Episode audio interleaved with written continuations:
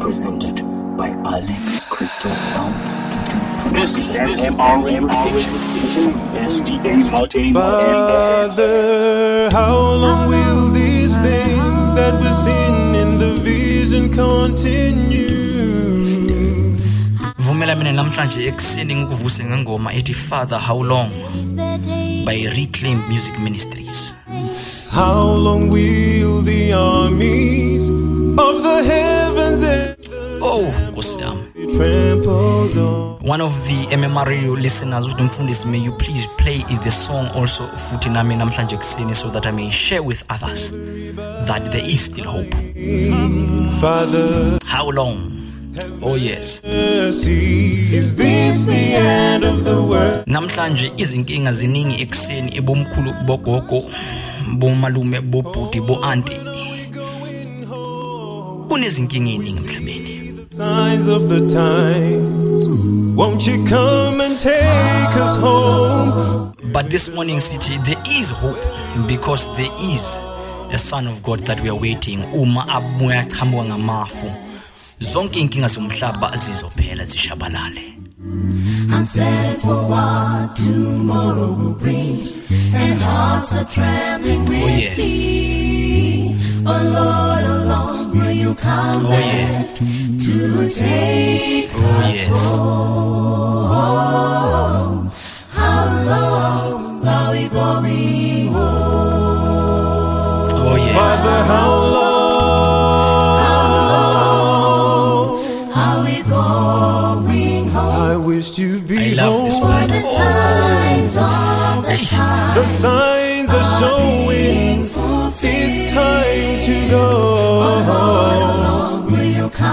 Will you come back to take Oh, us home? Take us home, Lord. How long are we going home? Father, how long? Oh yes. Yami. How I love this part. Oh, The signs are showing it's time to go home. Come back to take us home? Take us home, Lord.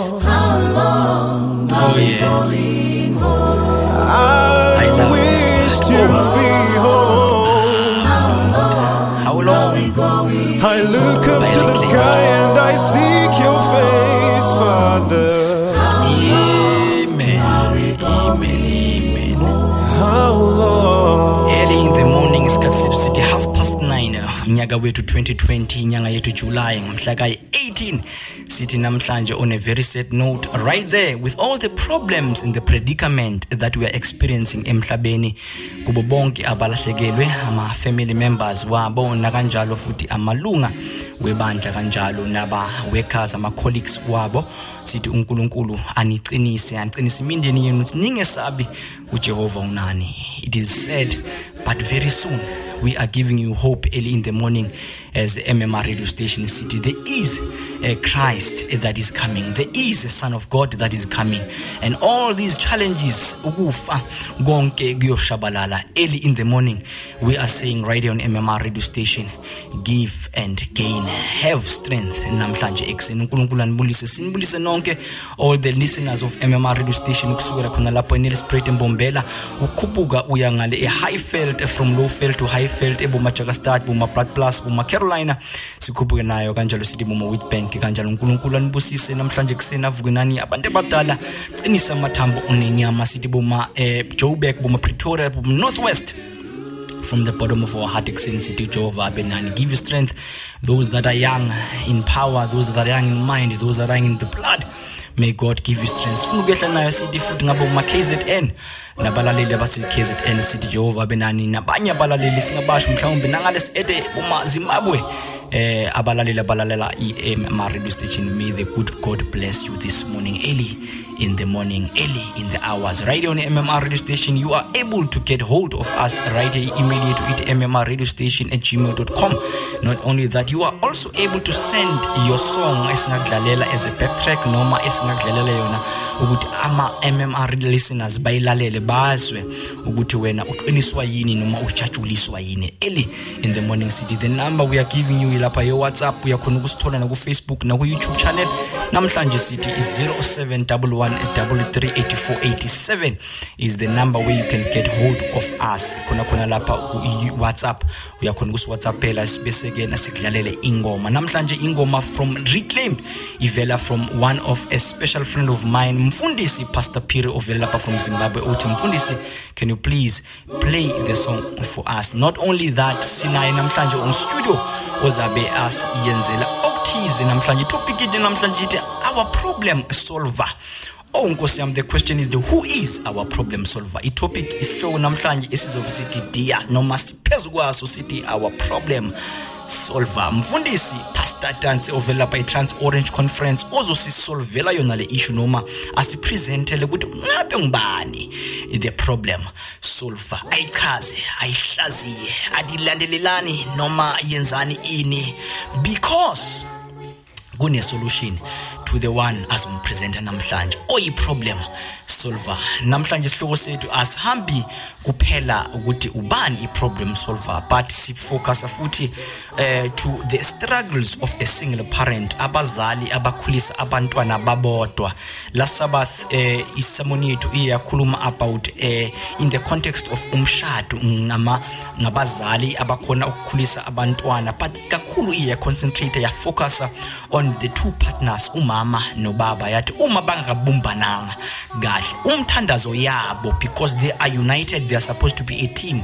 Eh umtha imthandazo yabo as ubaba angeke eh isupplementeke kahle. Uma kunezinye izinto angazenzi kahle ancedise umama noma aphathe kahle umama ekhaya endlini. Na kanjalo the other way around sithi they were a team. Namhlanje sithi kena eh bonke abomama abazali whether ubaba whether ungumama whether ungumkhulu noma ungugogo any context but when you are a single parent we are addressing we are talking to you namhlanje ekuseni ngesabatha elihle ngakasithi uJehova kakulahlanga nawo there are numerous of verses in the bible that speak about single parents. Namhlanje ama single parents they've given birth. Ama ama single parents benze sure ukuthi ama president abodokotela bayazalwa bakhona bayanakelela. Namhlanje there are a lot that ama single parents have done and have contributed in our societies in our communities. Namhlanje in our churches in our families and we say up ngendlela eyisimanga to all the single parents. Namhlanje right here on MMR radio station mfundisi Mpele City sinithanda nonke bonke abazali abakhulisayo. Namhlanje is another topic ezoba ngaphansi kweumbrella ethi our problem solver. I problem solver also embraces eh our single eh parent abakhulisa kanjalo young and eh, older. Grandsons and daughters. Namhlanje sithi uNkulunkulu anibusise. From the bottom of our hearts nomfundisi Tansi ozabe addressa on that issue. Bese sibe nomfundisi Pastor Phiri Nehemiah Phiri umhlobo wami lapha engiye ngafunda naye. Ngahlala naye etafuleni safunda uacquire lapha iBA theology. Not only that lapha we uyi uh, philanthropist magama phezulu madoda madoda islu limi ka George philanthropist and also uh, he is also a, a, a, a, a motivational speaker. Kanjalo he wrote a book who is uh, going to be our guest speaker namhlanje. Sikhulume kabanzi sijule about the struggles of a single parent. He wrote a book ethi the struggles of a single parent. Obviously uh, he will explain more in details ukuthi why where and and all of those as as as he dis discusses with us eh sizova kahle ukuthi the struggle of a single parent zibaluleke kangakanani how we should cherish them? Namhlanje esithi eh we value ama single parent. Above all ngaphandle ukuthi siye lapho ke ke sicela ukudlula quickly siye lapha in the book of proverbs as sazi ukuthi incwadi iyaka proverbs inkosi solomon siyafunda lapha the basic life style noma the basic way yokuphila nabantu emhlabeni. Sifuna ukuthatha lapha ku Proverbs chapter 22 sifunde uverse 22 to cut the long story short. Sithi lapha isihloko sethu sithi eh, 30 wise sayings esivela enkosini kuSolomon 30 wise sayings. Namhlanje sibamba ku number 1 uthi number 1 don't exploit ningachaphazi. Don't exploit the poor because they are poor. And don't take away the rights of the needy. In court. Yayi uma uchubeka nayo lapha kuverse 23 it's if you do the lord will plead their case hey, in court and take a stand against you because of what you did. To them. Bakithi asingachaphazi abantu abahluphekile. Ngizoyi-extend asingachaphazi abantu that are vulnerable abogogo abantwana. In the context of umuntu ubhuti ubaba makabona umntwana omncane oyintombazana ovulnerable akangathathi i-advantage amchaphaze because of the eh eh eh yini legama lesilungu madoda vulnerability eh angachaphazi angamchaphazi athathe advantage because yena ukuhleli kwesinye istate eh you know of having advantage and lo ochaphazwayo kwesinye state ukuthi achaphazeke. Asingachaphazeki. But the context here uh, uSolomon speaks about kakhulukazi the poor asibahlonipheni. Akube yithi esibachasayo esibasingathayo. The wise words namhlanje vela from kuNkosi uSolomon a proverb ithi labo abahluphekayo asingabachaphazi. Let us not exploit them. Si extendeke ngeencondo zethu. Asizameni by all means bantu benkosi emakhaya emisebenzini einkonzweni in our work environment everywhere. Asingachaphazi abantu abahluphekile abahluphekile. Let us in rather help them help them. uJehova abusise ukufunda izwi lakhe. Asingene quickly kumfundisi eh eh mfundisi Nehemiah eh lapha. Sithanda ukubingelela umfundisi from the bottom of our heart. Kwangathi the lesson that we've just read i hope nawe mfundisi uvile ukuthi let us not uh, you know uh, exploit the poor. However mfundisi singangena lapha ke we just want to welcome you right here on mmr radio station. We once again uh, saying to you greetings mfundisi. Mhlambe you can take this time to kubulisa uh, abantu ngaphandle aba listeners be mmr radio station. Ngiyaphila kakhulu and how are you? It's an honor and a privilege to be hosted on this platform. Thank you. Thank you so much. Siyabonga kakhulu mfundisi from the bottom of our heart. Mfundisi lapha you, you requested uh, ukuthi sikudlalele ingoma ethi reclaimed. Yini eyenze eyenze ukuthi inspire mfundisi ocele ukuthi sikudlalele yona namhlanje? Yini eyenze ukuthi you know uyicele? Yeah yeah. Um all i can say is um reclaim music ministry they make it real they sing it okay. real like the song that Okay. i chose laphana yes. It's a prayer. It's a song that is a prayer on its own whereby it takes us from the situation that we are in to the situation that we are waiting for. And then in the song the title will be like how long father how long? More like you're talking to god on personal level and you're asking him how long? So that's basically what made me to select that selection from the Oh yes, and Ministry. it was a beautiful piece. It's actually a beautiful piece. Mfundisi, um, the struggles of a single parent, man. Uh, take us through. Uh, uh, you know, yeah. Where does the inspiration? come? Basically, I can say this book is a reservoir of hope, of motivation, and of inspiration.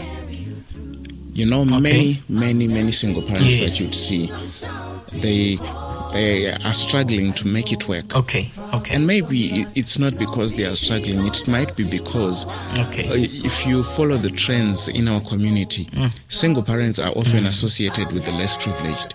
But yet, this book is something that is there to break that chain and to take the single parents off the box of poverty, off the box of being looked down upon, and off the box of being dependents.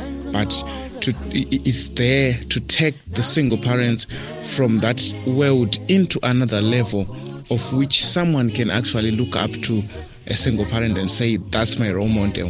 When I grow up, I want to be like that so and so mother, that so and so father who has been a single parent because they would still be achievers even in that state of singleness. Okay. So basically experience mfundisi and yiyo kahle kahle eh, the inspiration behind the story. And then how would you mfundisi how would you um you know uh, summarize your book? How would you speak on behalf of your, of your book to maybe a listener out there? We summarize kanjani the content uh, of the book? Basically, I can say this book is a reservoir of hope, of motivation, and of inspiration. you know many many many single parents that you'd see they they are struggling to make it work okay and maybe it's not because they are struggling it might be because uh, if you follow the trends in our community single Yes. parents are often associated with the less True. privileged but True. yet this book is something that is there to break that chain and to take the single parents off the box of poverty off the box Hmm. of being looked down upon and off the box of being dependents but Hmm. to, it's there to take the single parents from that world into another level of which someone can actually look up to a single parent and say that's my role model Oh, when i yes. grow up i want to be like that so and so mother that so and so father who has been a single parent because they would still be achievers even in that state of singleness Mm, mm, true mfundisi in the process of of of of what you call in the process in the process sorry in the process of you writing the book what did you did you learn well i learned a lot of things but allow me to uh, say the, the, the major lesson that i learned i learned that no one is Okay, ever ready to be a single parent yeah and no one is Hey. ever looked up to being one. You ask the young Yeah. people, they will tell you that uh, at so and so age, I want to be married, I want to be have my children, I want to have a happy family, I want to have a, a loving husband, I want to have a loving wife. But no one will ever tell you that after all that, I would also want to be a happy single father or a happy single mother. So no one is ever ready. And many Hmm. they struggle to adapt when the time comes. So I just discovered that in as much as we get prepared for marriage and for life or whatsoever, we also Hmm. need to be ready for the post marriage life. That's I think that's the major Hmm. lesson that I learned. Eh, mfundisi you are raising um uh, you are raising some important issues that are there i mean you know in my mind i'm thinking ukuthi you know everyone you know um uh, whether young old or uma basakhula uma sisakhula you you you don't know ukuthi what future holds for you. And you don't know ukuthi uzoba nomntwana or uzoba eh eh, nomntwana ube divorcee uzoba eh, angeke ube nomntwana or you you really don't know ukuthi what what what what the future holds for you. And really i think eh lokubhala kwencwadi kwakho it really it will really assist and uh, prepare uh, you know eh um abakhulayo nabazayo ukuthi hey be careful of the future. It might entail this and that and this. But uh, very true. Thank you very much mfundisi uh, for for that for that. Mfundisi what what what surprises you writing in the context of uh, the book? Whilst you were writing the book what uh, surprised you the most mfu yini le kahle kahle eku you know ekusurprise I was surprised by that there is a lot of talent within these people we call the single parents. okay They have a lot of talent. Just imagine someone who is double parenting. Y- You are you are both the father and you are both the mother to a child, and life still goes Hey. on, and that, that child grows not to like anything. I, I, I was really surprised and I was really shocked. Hey. And another thing is that there is a lot of talent hidden in these people. They have real Yeah. talent. Just that they haven't been exposed and maybe just that they have been hey, being they are being sidelined by the communities as we all know. Something like that. But actually if these single parents have been put on a proper place with proper resources and with proper coaching, I think our countries will be far, very, very far. Because these people, they are the people and they know what they do. yeah embundisi you are highlighting something that is in fact you know, coming to think of it yeah hey man they are talented because they are able to execute uh, you know uh, two titles uh, two responsible in fact more than two responsibilities they have to teach this side they have to teach that side you know a number of things i'm thinking in my mind. But i i see what you are saying. It's very interesting. But they're actually talented and and they they they, they can actually do more you know. Uh, mfundisi within that now uh, Tina, as readers, we um we, we we are just readers of you know of your book. You as an author you also have a different approach noma a different understanding as a writer. Tina readers we are also on our own mindset. But now the question would be uh, uh, now what does the title what does the title mean to you? Because tina it, it might mean something you to you the title might mean something else. So in your context kuwe what does the title actually mean to you mfundisi? Okay, let me say it this way. You move with people from what they know to what they don't know. You take a random right. interview with someone, you ask them what they know about single parents, they will tell you about the struggles that they face. Hence, I gave the book the title Okay. The Struggles of a Single Parent. So, in this book, we deal with the Hmm. struggle and we move with the people from the struggle to the hope after the struggle. We move with the people from the pain in the. Yeah. struggle to the joy after the struggle. So I can say we, we are moving with people from the struggle to post struggle. That's no matter how single you have been, or no matter how, how, how you found yourself to be single. It, it is in this book that you associate with the struggle that you are in, and then the book will also take you out of that struggle and leave you somewhere where you can stand and say, I was in that struggle, but I'm no longer in the struggle.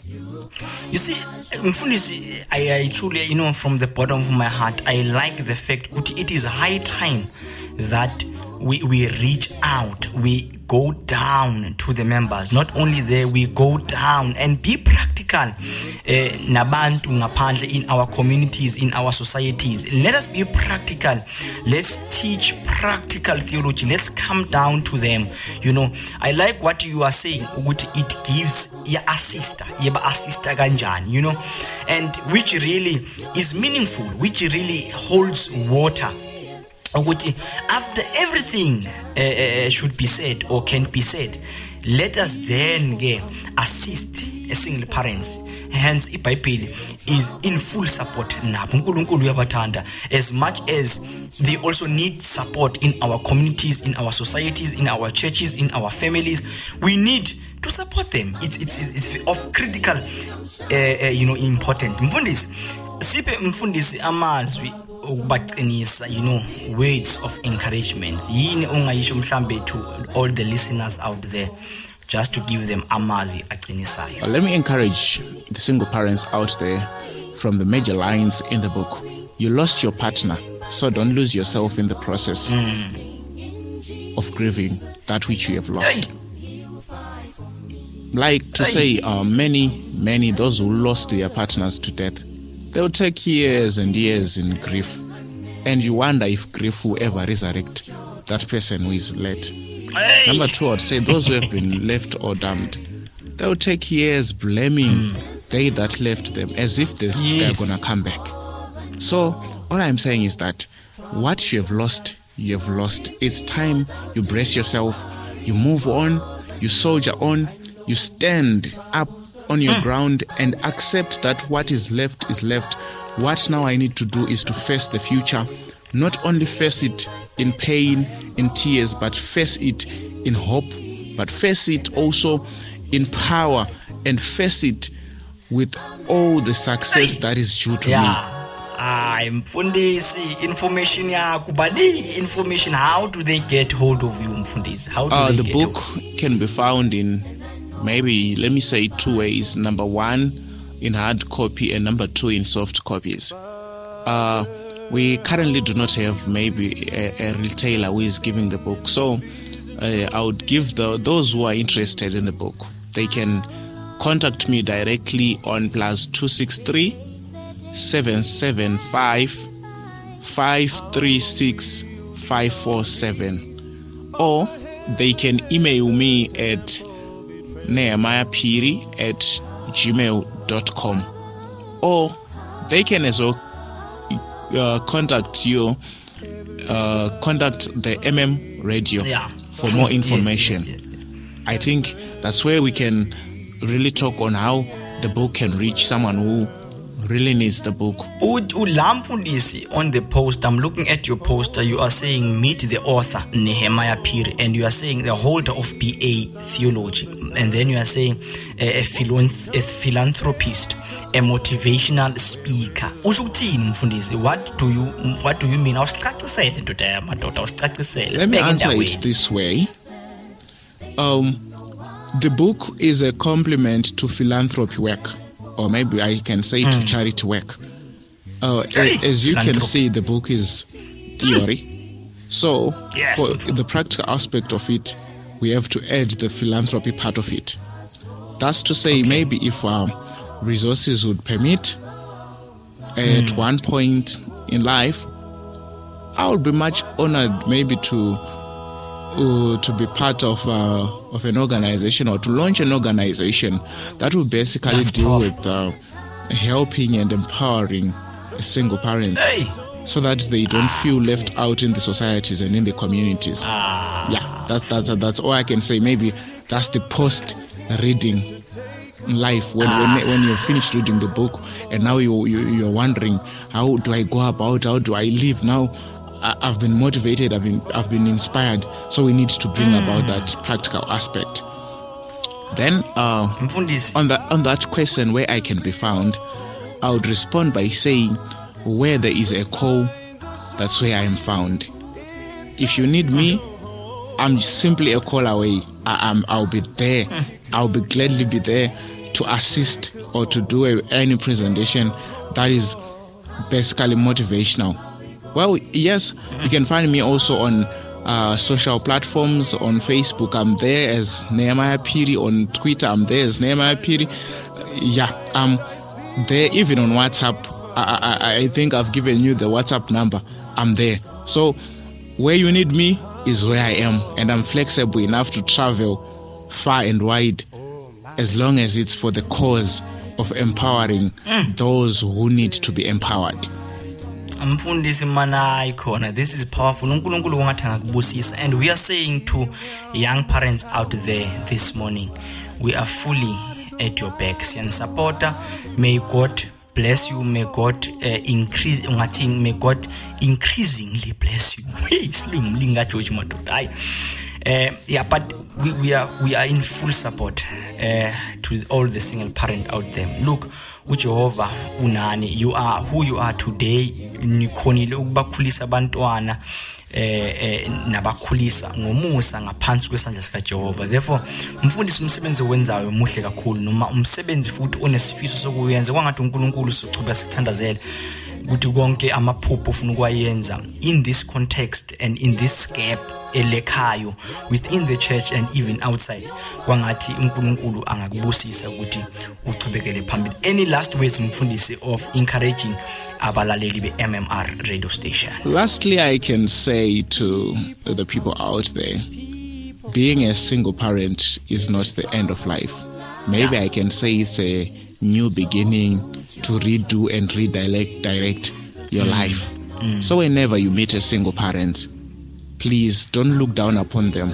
yeah Those people, they know life maybe beyond what you think they do. And those people, they also deserve a fair chance as you've given yourself. And maybe to the uh, religious leaders, to the pastors, when we do the marriage counseling, please let's also not forget to give the post grief counseling, whereby we take the couple that is about to be married into the life post the marriage. I think it would help them to be ready and to live prepared for anything and to face anything anyhow.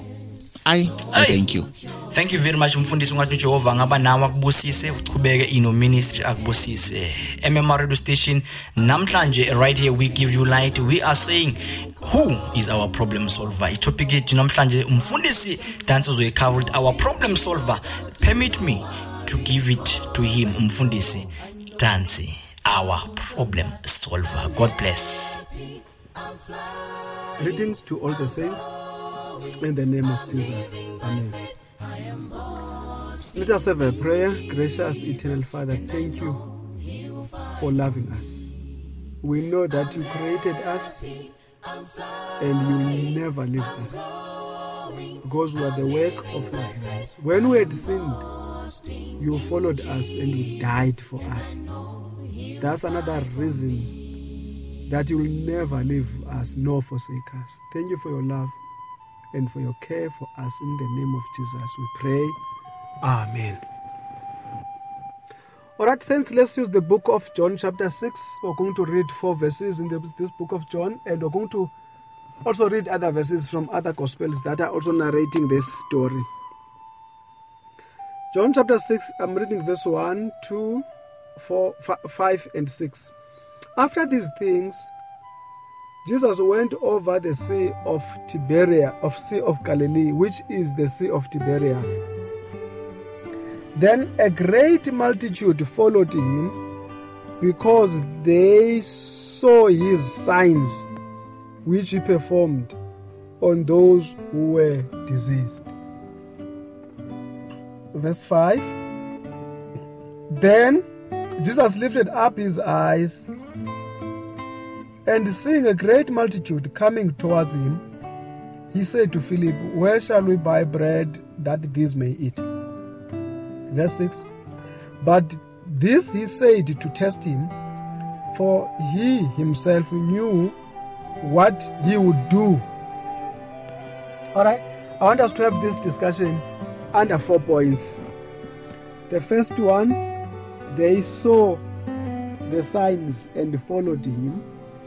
The second one, he healed those who were in need or those who were diseased. The third one, he saw the multitude and was moved with compassion. The fourth one, he knew what he would do. All right?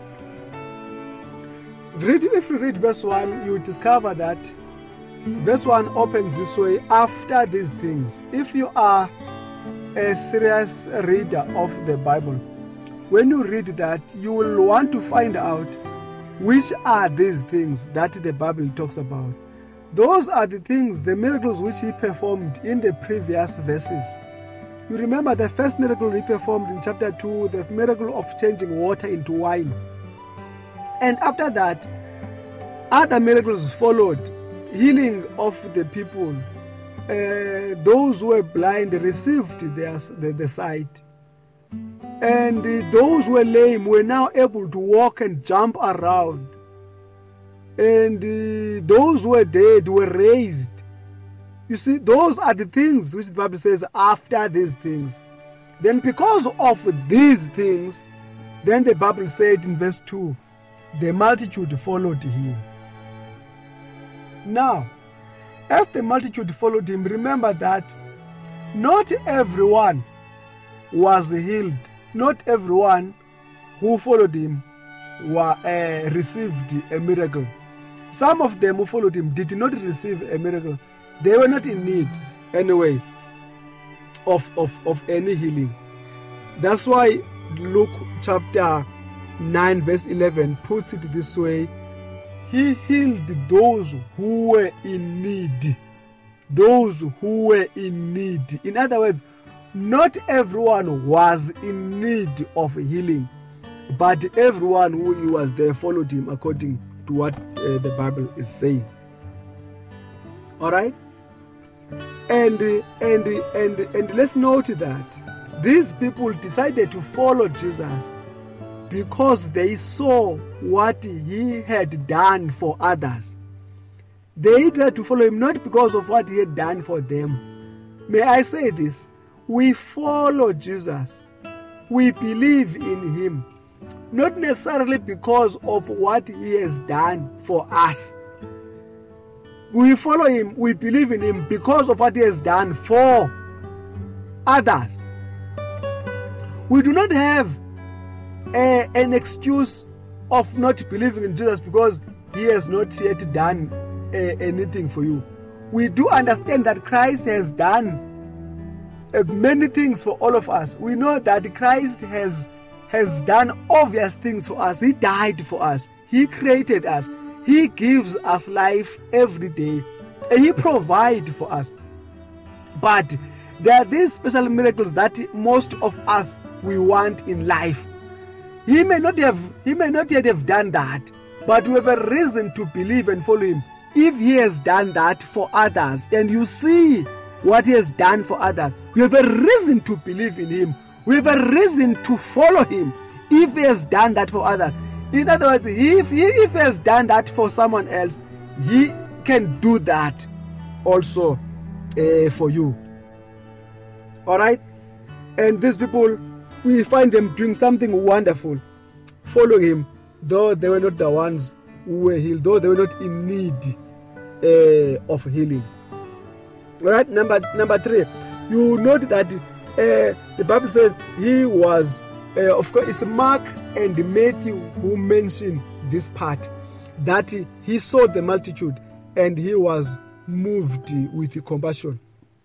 Mark goes on goes on and add and say they were looking like sheep without a shepherd. He want us to picture how a sheep without how sheep without a shepherd look like. They look like they are not cared for. They are thirsty they are hungry. No one is taking care of them. That's how they looked like. Now when as christ saw them like that the bible says he was moved with the compassion. You see now the very same word used there in in this in, in matthew and mark is this very same word which uh, looks you look used uh, in the story of the prodigal son chapter 15 uh, verse 20 where the bible says when the father saw the son coming he was moved with compassion as he saw his son coming back home. You see now in other words now the bible reveals to us how christ feels when he look he looks at us when we are in trouble. He is like a parent. When a parent see a child in trouble uh, the child the, the parent can even cry when the child is in trouble. Uh, or when a child is sick the parent can even can can a parent can even cry. Yeah that's how christ feels when he see us in trouble. And it also gives us a picture of how a shepherd feels uh, when the sheep is attacked by uh, hyenas or lions. When, or when the sheep is hungry the shepherd will go out of his way finding ways to to, to, to help the sheep finding ways to make sure that the sheep is well. That's how christ that's how christ feels for us. That's why the bible says he was moved uh, with the compassion as he saw the multitude. The beauty about it the multitude never said anything to christ but christ see them that these people they are in need before they even mentioned that they are in need. That's why if you read verse 6 you discover that the bible says now the last point the, the, the, the, the fourth point where the bible says he knew what he will do. You see now in other words now the multitude never said that we are hungry never said that we, we, are, we, we feel like we're not cared for. No. They never said that. But the bible says before they even said it christ saw the multitude and he felt and he was moved with compassion for them. In other words now christ uh, does not wait for us anyway to tell. He he see what we go through. He feels what we go through. Before we even tell that's why in daniel chapter 9 verse 23 the bible says daniel in the beginning of your supplication beginning of your prayer your, your prayer has been answered before you even go on saying a lot of things. The prayer uh, was answered. I want to say this to all of us. God knows our problems. God see our problems. God has compassion over our problems. Before we even tell him before we even uh, show or and cry. He has already seen. And the bible says he knew what he would do. Christ knows what how he's going to solve our problems. Before we even tell him that we have those problems.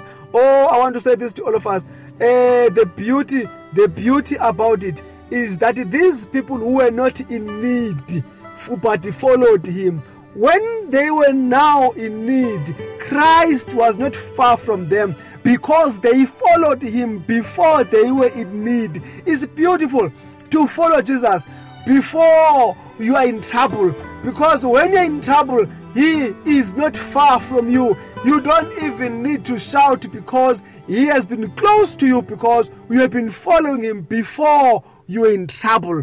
Oh, we worship a God who who who sympathize. That's why that's why now uh, Paul says uh, in the book of Hebrews, chapter 4, verse 15, we do not have a, a high priest who is not uh, tasked with our uh, infirmities. In other words, now we worship a God who is touched. We worship a God who feels what we feel. We worship a God when we are hungry, He feels it. When we are in pain, He feels it. When we are when we, we are tortured, He feels it. When we are in fear, He knows it. We worship that kind of a God. Therefore, there's no need for us to fear. We have a, a, a, a sympathizing Jesus, a Jesus who is thirsty with all our infirmities, all our troubles. May the Lord help us in the name of Jesus. Amen.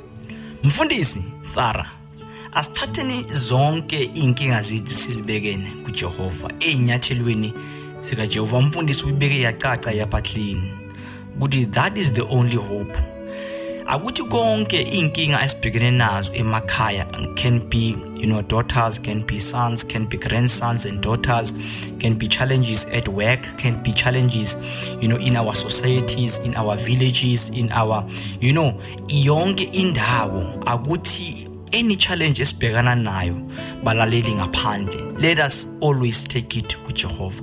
That's where we gain strength. Let us sit on the feet of Christ. That's where we gain strength. Let us sit right there.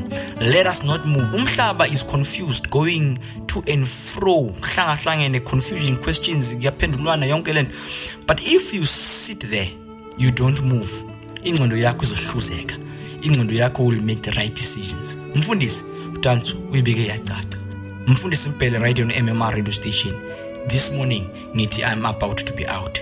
Isikhathi sethu sesiyashaya. 2020 unyaka wethu there is no other day except 18 zakajuly topic yethu namhlanje beyithi our problem solver. Hlangana nami khona lapha ku-youtube nakufacebook nakuwhatsapp uma ungidinga 0711 338487 mmr radio station gmail.com ilapho ngithola khona. Tune in don't forget to subscribe lapha ku-youtube mfundisi mpele ngesabatha elihle mmr radio station the only multilingual radio station in the sda we give you light sikulethela ukukhanya. We love you single parents. Siyanithanda nabo futhi abashadile. Stay hlalani la kunojesu in jesus name i am out. Kamnandi.